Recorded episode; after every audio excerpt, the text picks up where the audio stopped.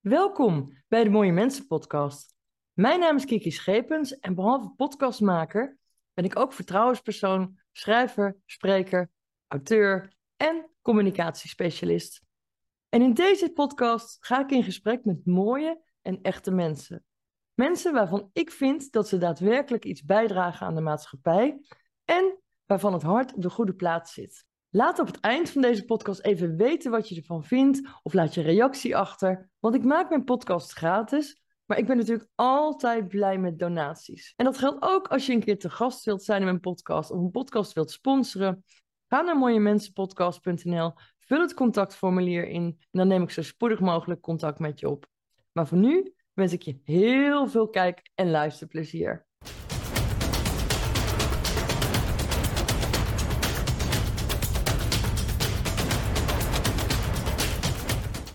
Welkom bij de Mooie Mensen podcast. Met mijn gast van vandaag zou ik het gaan hebben over narcisme in de samenleving. Dat gaan we ook doen, zeker.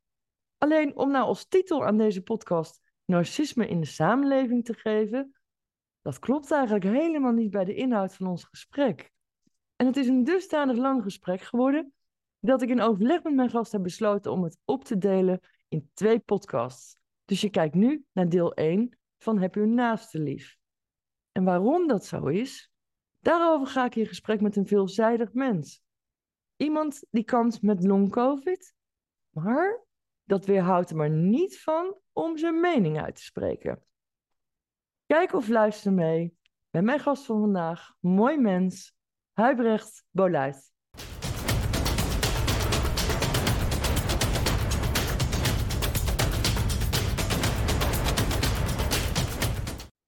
Welkom bij de Mooie Mensen podcast, Huibrecht Boluit.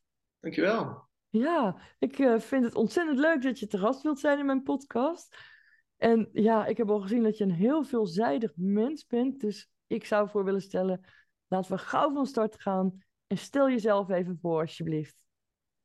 Nou, mijn naam is dus Huibrecht Boluit. Ik ben woonachtig in Milburg. Dat ligt in Zeeland, zoals de meesten wel weten. Ook al is Zeeland niet iedereen zo goed bekend. Ja, ze kennen het van de kaart.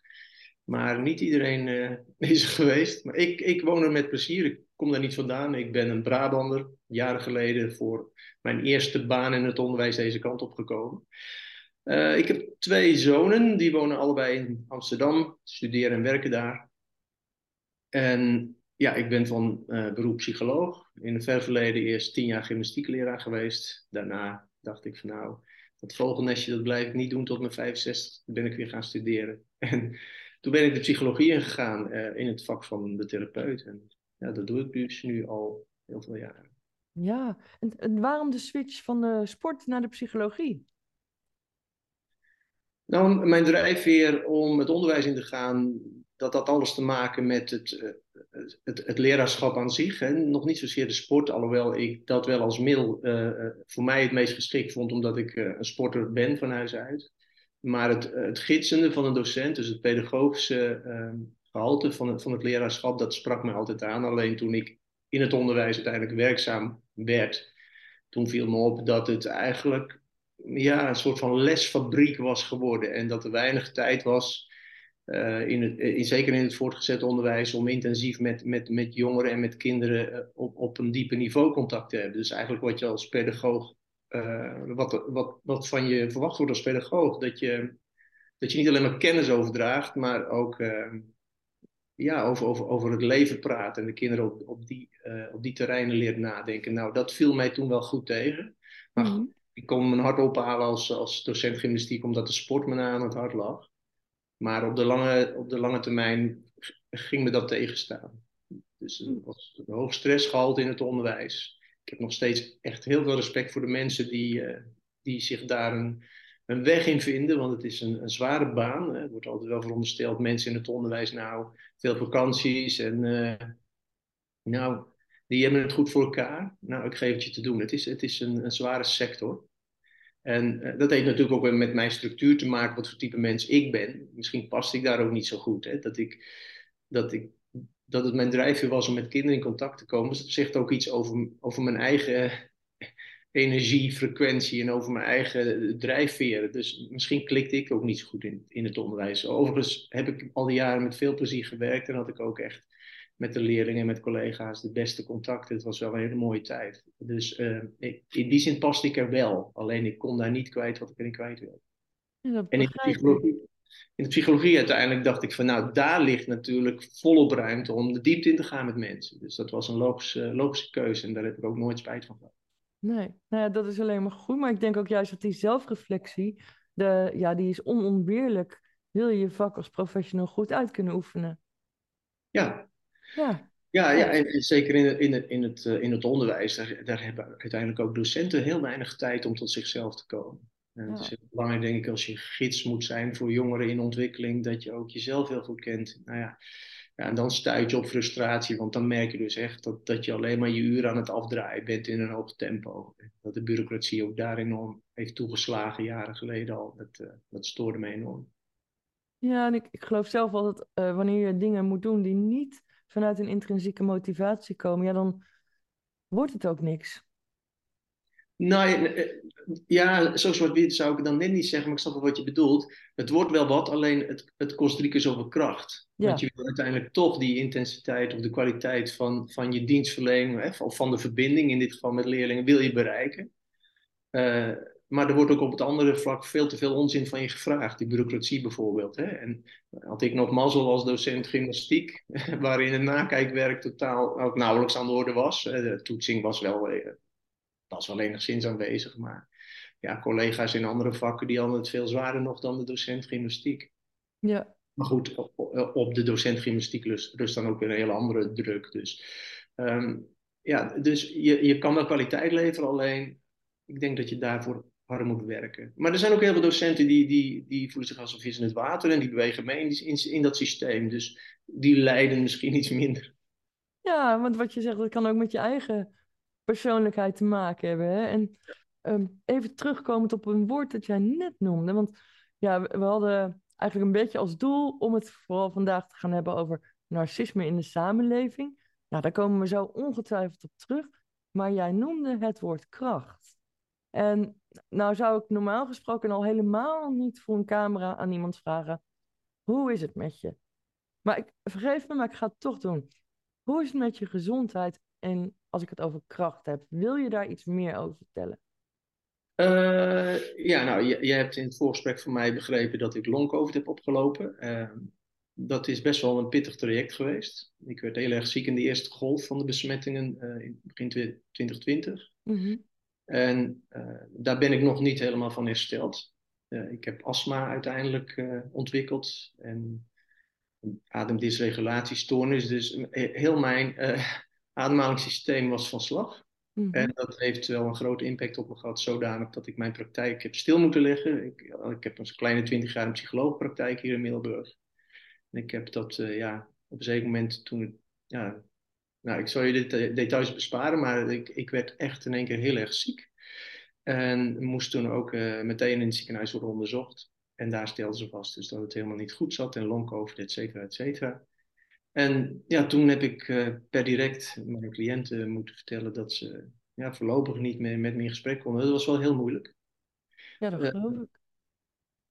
Ja, ik vind dat ook heel erg voor je, want ja, 2020, dus dan ben je nu bijna drie jaar verder. Ja, 2,5 jaar, ja, klopt. Ja, ja het is een heel lang traject geweest. Zeker het eerste jaar was ik echt heel ziek. Mm het, had een, het had een bijzondere aanloop. Ik, uh, ik, ik, werd ziek, ik had een uitzonderlijke griep. En dat was in die eerste weken uh, waarvan men hier ging twijfelen. Ja, dat virus moet toch hier ook wel rond waren. Nou ja, op dat moment werd ik dus echt heel ziek. Maar ik dacht, nou ja, het is, het is nog niet officieel vastgesteld in Nederland. Dan zal ik uitgerekend net dat virus hebben. Maar ik voelde wel echt dat het een heel aparte, een heel aparte griep was. Mm Maar niet overging. Uiteindelijk herstelde ik langzaam na een week of vier, vijf. En, maar de klachten bleven aanhouden. En toen heb ik me uiteindelijk tot de zomervakantie eh, door de stresshormonen uh, in mijn lijf naar de vakantie kunnen slepen. En toen ging het echt de eerste vakantiedag helemaal fout. En gaf ik bloed over. En, uh, nou, heel dat, uh, dus dat was heel naar. En vanaf dat moment toen de stresshormonen hun werk niet meer hoefden te doen. Omdat ik door de artsen werd aangeraden, joh, stop onmiddellijk. Ja, toen voelde ik de vermoeidheid massaal over me heen vallen. En, en met alle klachten van dien, toen, het was als, als, als het ware een tweede, tweede aanslag op mijn lijf. Veel pijn, veel koorts. Maar gelukkig, kijk, dit soort dingen, die, hè, zoals, zoals dit interview met jou, en, en af en toe word ik ook door andere media gevraagd om iets te zeggen of om iets te schrijven. Nou, ik krijg voor mijn arbeidsongeschiktheidsverzekering alle ruimte om, om dat te gebruiken als een soort van training, om mijn kracht weer op te bouwen en, en mijn draagkracht te verstevigen. En dat, dat, vind ik heel fijn. En, um, ik, ik ben in ieder geval heel dankbaar dat ik, ook al is het in kleine stappen, maar wel opknap. Dus ja, zo staat het met mijn kracht. Ja, nou, ik heb daar toch wel diepe bewondering voor. Want ja, je moet gewoon in één keer heel je leven anders in gaan richten.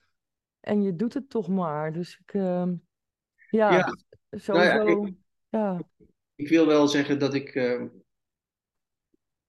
ja, ik, ik, Kijk, ik heb niet op een IC gelegen en, en ik, ik leef nog. En ik, ik ben echt niet. Ik, ik, ik wrijf nog in mijn handen dat ik, uh, dat ik nou, oké, de variant heb opgelopen zoals die, of, eh, zoals die bij mij is uitgewerkt. Er zijn mensen veel zieker geweest, dat bedoel ik te zeggen. Ik voel me helemaal niet zielig of, of ik, ik, ja, en ja, wat jij zegt is heel vervelend. Ja, dat is het wel. Want je moet je leven omgooien. En, uh, en zeker het eerste jaar was het echt elke dag gewoon heel erg ziek zijn. Dat is wel naar, maar ja. Doe wel en zie niet om, zei mijn moeder altijd. Ik ben bijbels opgevoed en dat, dat, zit er ook goed in. Wat is geweest, het is geweest. En ja, dat was naar voor toen. Maar ik ben blij met de situatie zoals het nu is. Nou ja, goed. Dat is in ieder geval goed om te horen. En ja, ik geloof ook echt dat niks toeval is in het leven. Dus het, ja, mogelijk heeft het zo moeten zijn uh, om ook voor jou een les te zijn. Maar daar, daar, daar kan niemand over oordelen. Nee, ja, nee. daar wil ik wel iets korts over zeggen. Ik weet wel dat ik het al die jaren heel druk heb gehad. Ik draaide bijna een dubbele praktijk. Ik werkte veel voor de universiteit hier ook in Middelburg. Ja, veel studenten die ook zeker in, in, ja, in, de, in de laatste jaren, ook in de aanloop naar corona, al heel veel ja, heel veel psychische problemen veel meer ontwikkelde dan de jaar daarvoor. Dat was toen al in het nieuws. Corona heeft daar een extra duit in het zakje gedaan. Uh, maar daarnaast had ik ook mijn eigen volle praktijk. En ja, ik zat in een rijdende trein ook waar ik denk ik ook ja, uh, niet meer uit kon stappen is misschien een groot woord. Maar ik, ik, ik was wellicht kwetsbaar omdat ik gewoon uh, iets te weinig aan ontspanning nam. Denk ja. Zo.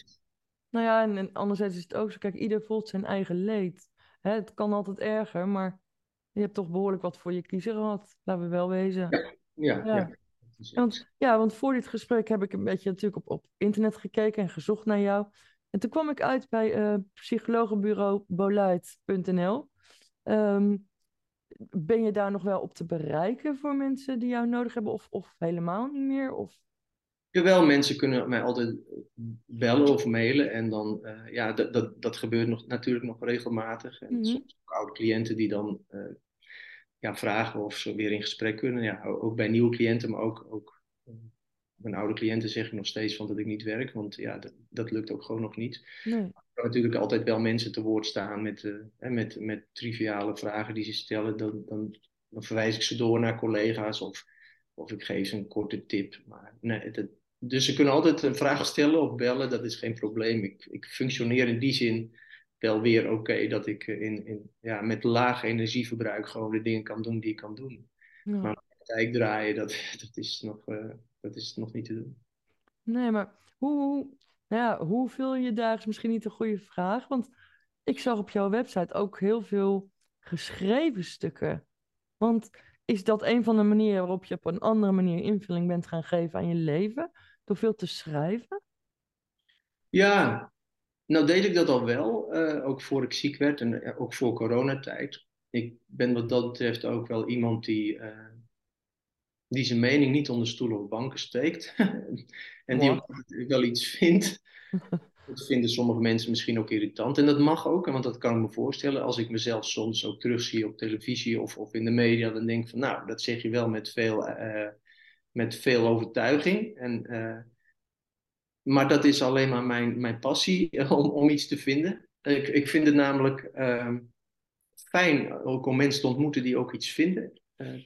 En dat kan ook het hele andere geluid zijn, dus het, tegengeluid. En dat is misschien wel de, de grootste drijfveer om zeker in deze tijden waarin we zien dat uh, de samenleving polariseert en en het debat wordt gesmoord en, en mensen uiteindelijk snel in een hoek worden gezet als maar bijvoorbeeld wappie of, uh, of, of negatief of woke of welke vleugel je ook beschrijft. We, bestempelen elkaar snel als anders. En ik, ik heb um, nog, ook nog voor corona die, die tendens al wel groeiende gezien. En toen ben ik daarover gaan schrijven, wat gebeurt hier nou? En inmiddels is dat geworden tot een soort van rubriekje op LinkedIn als ik reageer op het nieuws eh, in de media of eh, in de maatschappij, dan, dan kondig ik dat aan met wat gebeurt hier en dan laat ik daar mijn psychologische blik over gaan. Mhm. En dan ja, dan, dan duid ik dat zoals, een, zoals een, een therapeut dat eigenlijk doet in de spreekkamer. Hè? Want ook, ook als een samenleving of een politiek systeem, dat zijn, ja, dat zijn systemen. En die functioneren op basis van krachten, tegenkrachten, dynamieken, drijfveren, verborgen motivaties, eh, onkunde, zwaktes, eh, projecties. Dus wat in mensen zit, zie, dat zie je ook in, in de samenleving zitten. En Um, ja, dat, dat vind ik wel heel interessant. En zeker de laatste jaren toen ik ziek werd, vond ik het dan fijn op die momenten dat ik dan even wat fitter was om, om een half uur achter mijn laptop te gaan zitten en dan even de stoom af te blazen. Want ja, ik bleef wel zien wat er gebeurde in de samenleving. Dus. Ja. En, en ja, met dat schrijven heb ik wel um, iets gevonden wat ik ook heel graag doe, heb ik gemerkt. Dat, uh, ja, daar geniet ik dan ook van. Dat geeft me energie. Dat geloof ik. Nou ja, ik ben in ieder geval een van degenen die jouw stukken graag leest. Oké, okay, dank je. Ja, en het, wat, wat mij ook opvalt, ik kom daar zo nog verder op terug. Um, het lijkt ook wel alsof je, ik weet niet of je dat bewust doet, maar je zet mensen aan tot nadenken. Of je poogt dat, of is dat ook iets dat je bewust doet met het schrijven? Nou, dat is misschien wel beroepsdeformatie. Maar ik, ik, het, ik voel wel dat ik dat bewust doe. Maar het is natuurlijk wel het werk van de psycholoog om mensen. Um, en dat bedoel ik absoluut niet hooghartig hoor. Want uh, niks menselijks is mij vreemd. En ik, ik, ik trap in dezelfde valkuilen als waar ik in mijn cliënten in zie trappen. Hè. Dat bedoel ik, dus ik bedoel het niet uh, Maar het is wel zo dat de therapeut natuurlijk uiteindelijk geschoold is om, om de, de cliënt, wanneer die met een probleem aanklopt, te leren reflecteren. En, en achter de blinde vlekken van het eigen perspectief te kijken. Dus dat zit sowieso in de therapeut. En uh, ja, daartoe daag ik mensen dan ook uit met mijn stukken. Van, je, interpreteert heel snel dit nieuws op deze manier, maar en als je dat andere perspectief inneemt, wat zie je dan? Durf je in het andere perspectief perspectief te stappen. Want dat doet de therapeut natuurlijk ook als je, als je met, als die met de cliënt in gesprek gaat. Eh, Einstein die zei ook altijd van als je doet wat je altijd deed, dan krijg je wat je altijd kreeg. Dus het is juist de kunst om, om de ander, en daartoe daag ik mezelf ook uit. Uh, uh, ik roep anderen ook altijd op om mij uit te dagen, om uit mijn perspectief te halen. Nou, mijn kinderen kunnen dat heel sterk. Ik, we waren dit weekend hier op bezoek en dan hebben we ook altijd debatten. En mhm. En dan, dan doen we dat ook samen. En, en ja, dat, dat, dat is wel heel interessant. Dat vind ik wel mooi. Leuk. En wat moet ik me daarbij voorstellen dan? Nou ja, ik heb twee zoons in dit geval. En de ene zoon die is uh, heel erg uh, politiek bewust en ook maatschappelijk bewust. En ook erg, die, die ziet ook die, die, die, die tweedeling in de samenleving. En die, uh, die, die kan zich daar wat lastig van losmaken. En de andere zoon die is wat makkelijker en die, die zegt ja, ik ben wel kritisch en ik ben bezorgd, maar ik probeer uiteindelijk ook wel uh, mijn leven met plezier te leiden. Die andere jongen ook, maar, maar daar zie je al tegenstellingen. En nou, misschien zit ik daar dan een beetje tussenin. En, maar, op het moment dat je dan met elkaar uh, op een thema van gedachten gaat wisselen, ja, dan kom je natuurlijk aan je eigen overtuigingen. En dan kom je ook bij je eigen angsten en ook bij je eigen vooringenomenheid. En ja, dan daag je jezelf en daag je elkaar wel uit. En nou, dat, eigenlijk die dynamiek, dat vind ik een hele gezonde. En dat zien we niet meer terug in. Uh, ja, dat zien we nauwelijks nog terug in de politieke debatten. Daar is het vooral heel hard roepen naar elkaar. Het is zo, want kijk, dit zijn de data en de modellen.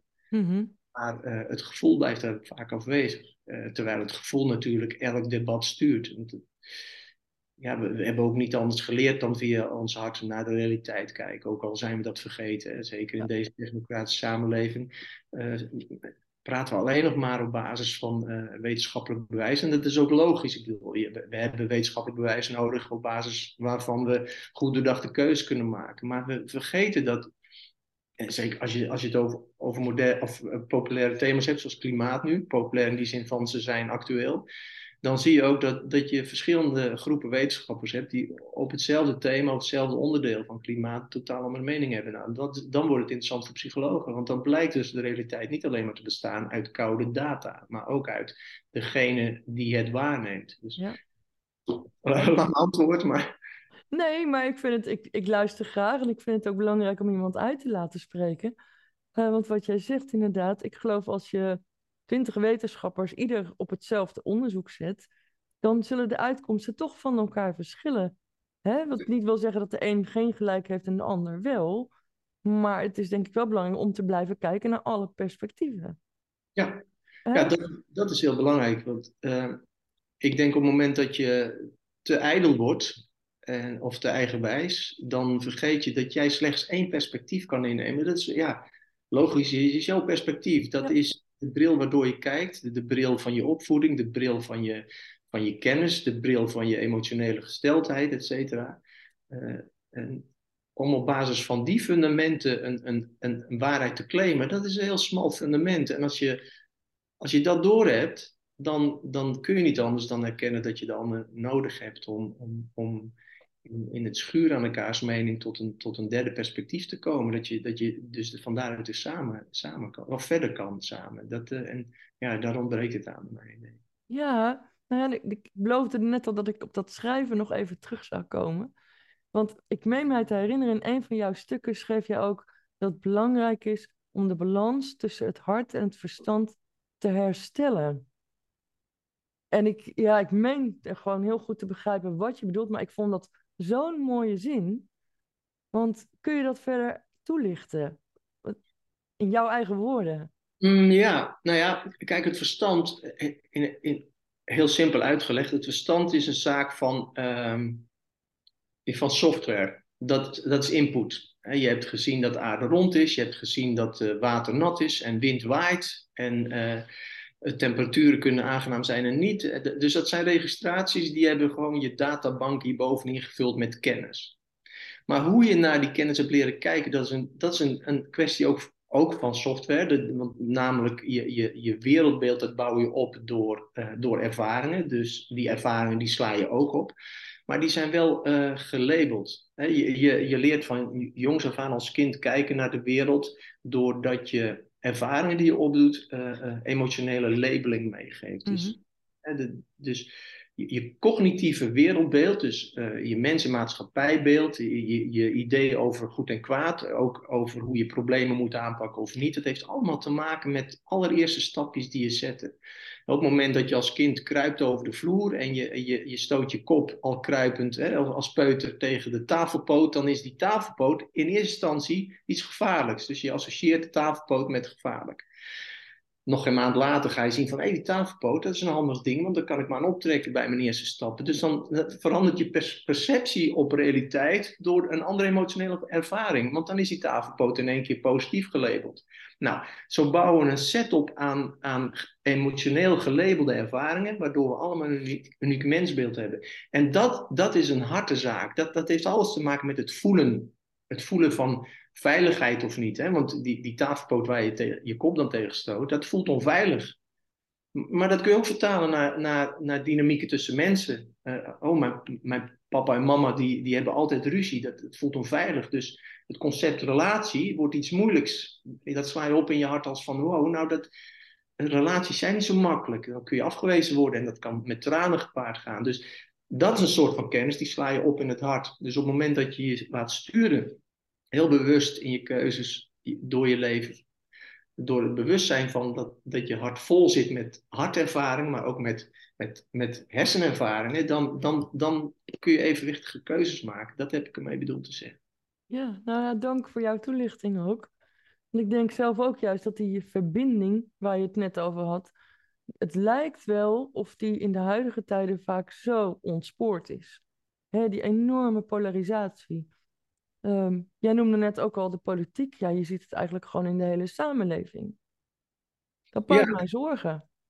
Ja, ja je, je, hebt net ook al het woord narcisme genoemd. Hè? Het lijkt erop alsof je in een narcistische uh, ja, tijdsgewricht leven. Mm en ik denk dat, dat, ja, dat het in zekere zin ook zo is. En narcisten natuurlijk, die laten zich voorstaan als charmant en betrokken. En uh, het zijn overigens vaak heel slimme mensen ook. Dus die, die zitten heel veel in dit deel van hun, van hun kennis. Uh, en, en dat is hun kompas vooral en veel minder in het hartendeel. Want daar, en daar wil ik dan even naartoe, mogelijk naar de oorzaak van, van een, van een narcistische golf waarin we leven. Dat heeft te maken, denk ik, toch met het feit dat we zeker na de jaren 30, 40 en, zeker, en, de, en de oorlog die toen is uitgebroken, dat we volgens in een golf van welvaart zijn gekomen waarin, uh, waarin we gek genoeg alleen maar de wind mee hebben gehad. En heel weinig geconfronteerd zijn geweest met, uh, met heftige tegenslagen. Dus mhm. inkeer en zelfconfrontatie uh, en hulpeloos zijn, dat hebben we eigenlijk niet zo ervaren. Daarom werd God en de kerk bijvoorbeeld ook aan de kant geschoven. We konden het zelf wel. Dus als, het zou wel goed kunnen zijn dat, dat daar het, het tekort aan de verbinding met het, met het innerlijk, met het zielsleven ook is ontstaan, waardoor je uiteindelijk alleen maar veel meer in je hoofd bent gaan leven dan in het hart. Ja. En voeg dat dan aan toe uh, de individualisering en het materialisme, veel consum consumeren. Uh, ouders die heel erg graag vriendjes wilden zijn van hun kinderen en, en geen gezagsdragers of opvoeders meer. Ja, de, die optelsom van dynamieken lijkt er voor mij uh, aan toe hebben bijgedragen dat, dat we nu toch wel met de generatie uh, ook inmiddels veertigers, vijftigers zitten die, uh, ja, die, die, boven zichzelf en boven anderen leven. Vooral alleen maar vanuit het hart en weinig vanuit, uh, vanuit het voelen, vanuit ja. het verbinden. Ja. Dan geloof ik zelf ook wel, hè, dat, daar hadden we trouwens ook in een eerder voorgesprek over, dat de narcist eigenlijk niet bestaat.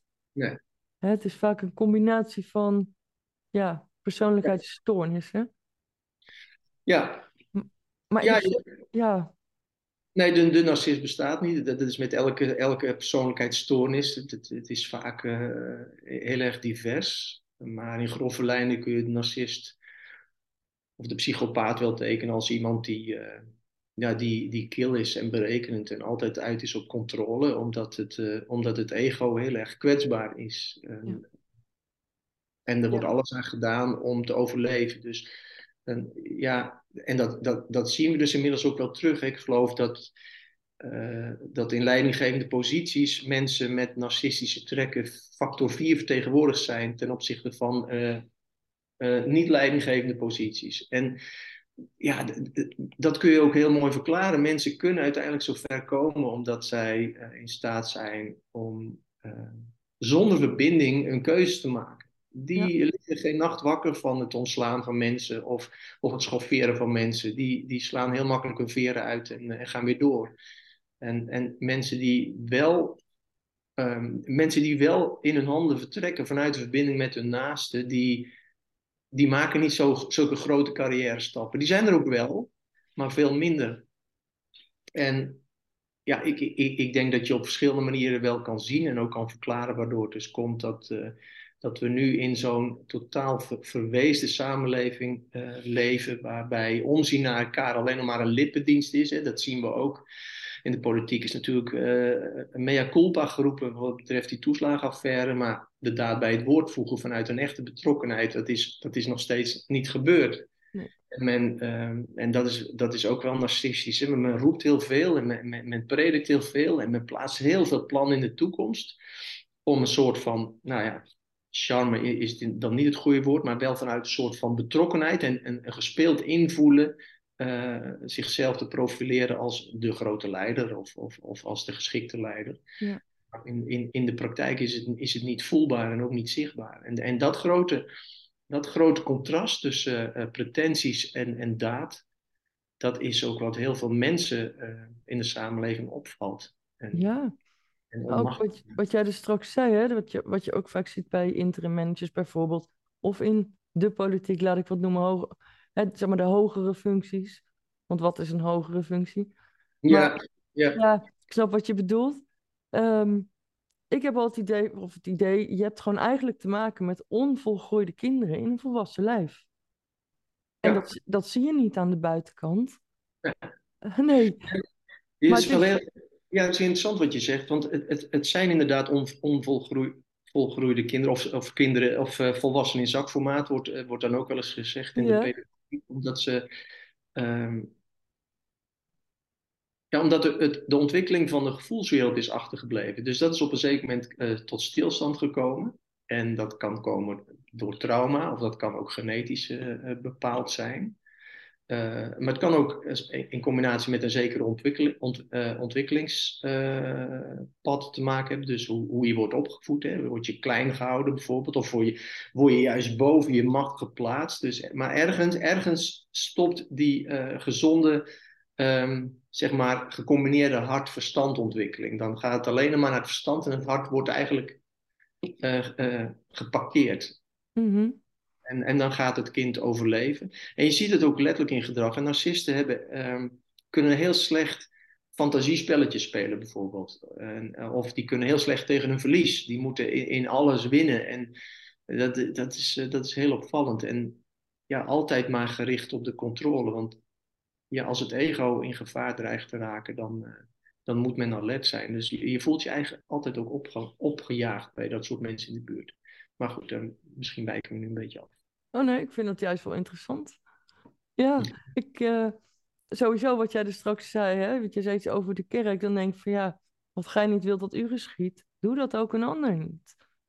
Ja. En als ik het dan terugtrek naar de politiek, um, zie of voel jij, ja, zonder namen te noemen, hè, maar, maar voel jij ook of zie jij ook, dat, of wat je een vermoeden hebt, want het is voor mensen die nou, een beperkte of weinig kennis hebben over dit onderwerp, heel moeilijk om te zien. Ja, zelfs voor experts is het soms al heel moeilijk. Ja, ja. Hoe ervaar jij dat?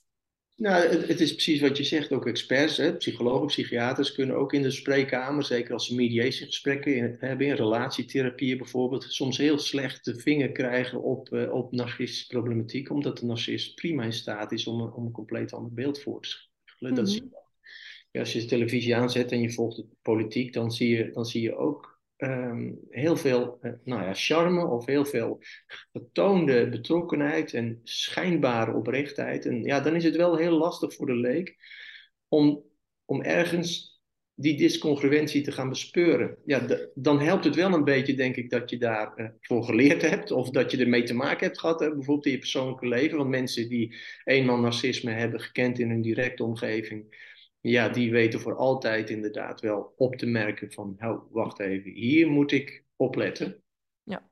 Maar als je er niet mee bekend bent, en gelukkig is het gros van de gemiddelde Nederlander, of gemiddelde wereldburger, niet persoonlijk bekend met, met narcisme. En die, dus die merken dat niet op. Dus dat is natuurlijk voer voor, voor, voor, voor, voor het, dat is een mooi electoraat, want die zijn makkelijk te bespelen. Maar je ziet wel ja, je, je ziet het heel duidelijk terug. Maar je ziet het niet alleen terug in personen, maar ook in systemen. In narcistische systemen zoals de media bijvoorbeeld, hoe die uiteindelijk het nieuws brengen. Dat is ook soms niet um, met de beste intenties, maar dat is voor eigen gewin. Dat is ook om het eigen systeem weer te bewaken. Ja, en wie, be wie betaalt, die bepaalt, hè? Ja, ja. Dus ja, het is, het is wel een bijzondere periode waarin we, waarin we leven. Dat, uh, dat is duidelijk zo. Ja, nou ja, ik vind het verontrustend. Um, omdat dat ik zelf ook, ja, ik voel altijd heel veel. Maar dat ik denk van, oh jongens, maar onze democratie is gewoon daadwerkelijk in gevaar. Zo voelt dat voor mij. Hoe, hoe ervaar jij dat? Ja, nee, ik deel die zorg. Ja. ja, je ziet zoveel gebeuren, juist ook doordat die tendens zich doortrekt. Uh, kijk, het World Economic Forum, dat is uh, zeker voor mensen die wat, wat wat verder achter het uh, mainstream, uh, main, mainstream nieuws kijken, die, uh, die zien dat die clubjes uiteindelijk heel veel invloed hebben op de politiek. Hè. nou, recent nog de G20, daar is ook de B20 aan, aan toegevoegd. Dat zijn waar de elite dus, het grote geld, uiteindelijk verweven raakt met politiek. Nou ja, dat is, dat is geen complotdenken, dat is out of the open. Hè? Out in the open, dat, dat is voor iedereen waarneembaar. Komt bij het 8 uur journaal. Dus zelfs trouwe NOS-lezers zien dat dat gebeurt. Alleen mensen denken, niks aan de hand, want ik kan de overheid vertrouwen. Nou ja, daar wil ik in eerste instantie ook altijd van uitgaan. Dat is, uh, daar vertrek ik altijd. Maar op het moment dat je ziet, in dit geval het voorbeeld van dat die G20 uiteindelijk gecombineerd met een Business 20 een conferentie heeft van een week of twee, dan moet je als, als burger toch ook denken, wacht even, ik heb onze volksvertegenwoordiger gekozen, maar die Business 20, die zijn toch uiteindelijk ook alleen maar afhankelijk van het, de gekozen leiders hè, binnen ja. democratieën. Waarom staan die ernaast? En als je eerlijk bent, weten we dat die erboven staan, hè, want de lobby regeert natuurlijk al tijden. Uh, dus nou ja, dan noem ik alleen maar dit. En dan hebben we het World Economic Forum, die natuurlijk onder de noemer van heel veel groen en heel veel uh, welvaart en heel veel uh, digitalisering een totaal een nieuwe toekomst voorspiegelt. Waarbij ook weer, als je verder nadenkt, toch ook moet denken: ja, is dat nou alleen maar zo goed voor ons? Kijk, ik twijfel niet aan de groene toekomst, die is voor iedereen goed. En uh, welvaart is voor iedereen goed. Alleen, daar zitten natuurlijk altijd haken en ogen aan de methodiek die men kiest. En als je het hebt over inperking van vrijheden om zogenaamd meer veiligheid te creëren, dan, ja, dan vind ik ook dat je als burger toch daar op zijn minst even iets langer moet bij stilstaan wat dat dan allemaal betekent. In plaats van dat je zegt van, oh ja, die overheid, ja, die vertrouw ik wel. Meer vrijheid, goed idee. Een beter klimaat, goed idee. Meer groen, goed idee. En heel veel mensen denken zoals ik het, hè, zoals ik het nu schets. Die, die, die, die hebben geleerd van huis uit, je kan je, je, je stem met, met vertrouwen uh, in onze democratie achterlaten. Want dat systeem dat is zo bedacht dat het functioneert. Nou, we hebben vorige week gezien dat dat eigenlijk ook verleden tijd is, waarin een motie door de meerderheid in de Kamer uh, aangenomen, uiteindelijk door het kabinet werd verworpen. Nou, ook weer zoiets. Dan denk ik, als je dit ziet, dan moet je als burger toch denken, ja, hier is, dit is wel vreemd. En als je al die momentjes en al die feitjes bij elkaar optelt, van hé, dit is vreemd, hé, dit is vreemd. Een World Economic Forum, geen gekozen leiders. Uh, nog iets, hè, de koning en de koningin, dat, die, zouden toch uiteindelijk boven alle partijen moeten staan. Maxima, die is uh, vervent voorstander van die WEF-plannen. Uh, Willem-Alexander laat zich ook heel vaak uit over zaken waarvan ik denk, ja, moet dat op het bordje bij, bij het Koningshuis liggen? Dat soort dingen zijn de laatste, de laatste vijf tot tien jaar enorm veranderd. Dus als je, ja, als je daar heel objectief naar kijkt, en nogmaals, dan ben je niet eens een complotdenker of een wappie, maar gewoon een kritisch uh, deelgenoot van de samenleving, dan denk je, ja, wel, wel een gekke ontwikkeling. Dus ja, dat minste vraagtekens moeten hebben daarbij. Ja. ook omdat het, het World Economic Forum, wat jij daarnet zei, het is natuurlijk gewoon een private organisatie. En ja, dan heb ik, had ik toen al mijn bedenkingen van... hé, hey, maar waarom gaan daar zoveel regeringsleiders naartoe? Ja. Hè, dat, dat is vreemd. Um, ja, en, en, de uitspraken die ze doen, dat, ja, die, daar kun je ook best wel van schrikken. Hè? Ja. Ik bedoel, die, die meneer Schwab, die, uh, die, die vertelt met trots dat, uh, dat zijn Young Global Leaders uh, al heel veel nationale overheden hebben ge, geïnfiltreerd. Hè? Eh, zoiets zegt hij toch, hè? Ja, er zijn ook beelden van. Hè? Ik bedoel dus niet dat je dit zit te verzinnen. Nee. Voor, voor, kijkers of luisteraars die totaal niet weten waar we het over hebben. Maar dit, daar zijn ook echt beelden, filmpjes van. Ja, ga verder, want ik viel je in de reden. Zo. En dan zie je ineens mijn hoofd in beeld.